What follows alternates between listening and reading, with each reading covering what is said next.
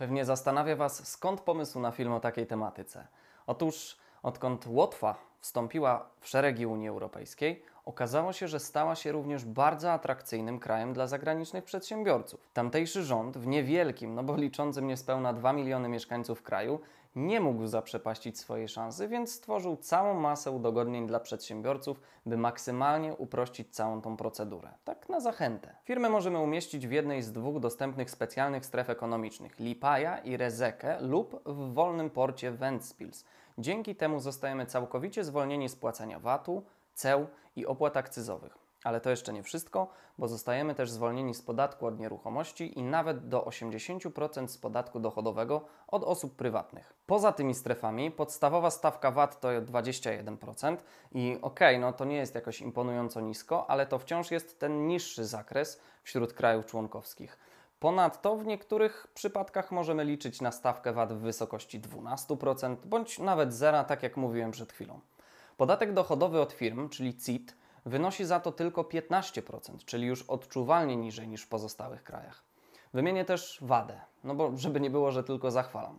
Rejestrując firmę na Łotwie, zdecydowanie najlepiej iść w stronę spółek, bo podatek od osób fizycznych, czyli PIT, jest bardzo wysoki, bo aż 24%. W prawie łotewskim wyróżnia się kilka typów prowadzenia działalności gospodarczej.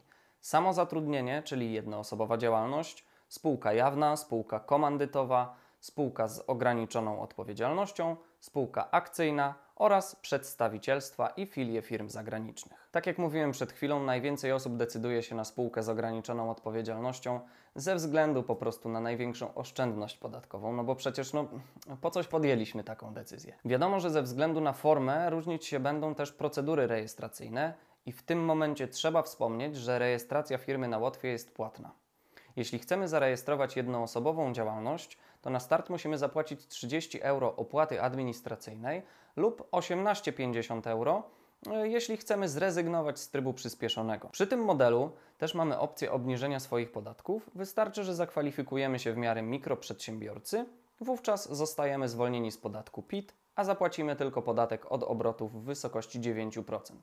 Jeśli jednak nam się to nie uda, musimy liczyć się z dwuprocentowym podatkiem obrotowym od każdego nowego pracownika, jeśli mamy ich więcej niż 5 na kwartał, a jeśli wykręcimy obrót większy niż 100 tysięcy euro, to nadwyżka zostanie opodatkowana 20%. Jeśli zaś chodzi o spółkę, to początkowym warunkiem jest jej kapitał początkowy, który musi wynosić około 2800 euro. Oprócz tego musimy doliczyć 150 euro od e, opłaty administracyjnej, chyba że nie zależy nam na czasie jak w poprzednim przypadku, no to tryb standardowy kosztuje 27 euro. Być może pierwsza kwota zrobiła na Was e, wrażenie, jednak pamiętajmy, że te 2800 to jest kapitał naszej spółki, a nie żadna opłata. Ale i z tej sytuacji jest wyjście.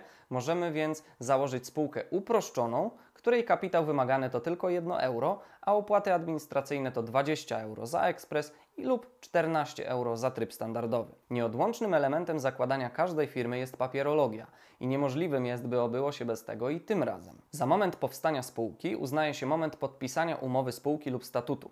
Będziemy potrzebować do tego zaświadczenia z banku o wniesieniu kapitału zakładowego, wyciągu z księgi udziałów, zgody członków zarządu oraz potwierdzenia tytułu prawnego do lokalu, jeśli mamy swój lokal, lub zgody właściciela wynajmowanego na rejestrację siedziby w jego lokalu. Oczywiście te procedury nie mogą się odbyć bez tłumaczeń wyżej wymienionych dokumentów, a najważniejszym będzie oczywiście przetłumaczona umowa spółki.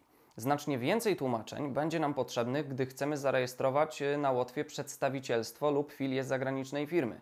Wtedy będziemy musieli się zaopatrzyć e, w przetłumaczony wyciąg z KRS-u, to na pewno, przetłumaczoną notarialną poświadczoną kopię statusu, przetłumaczoną decyzję o założeniu przedstawicielstwa, no i wszystkich potrzebnych pełnomocnictw. Słowem zakończenia, nie martwcie się tłumaczeniami, bo wszystkie możemy wykonać za Was. Zapraszam Was na naszą stronę po darmową wycenę i do zobaczenia w następnym odcinku.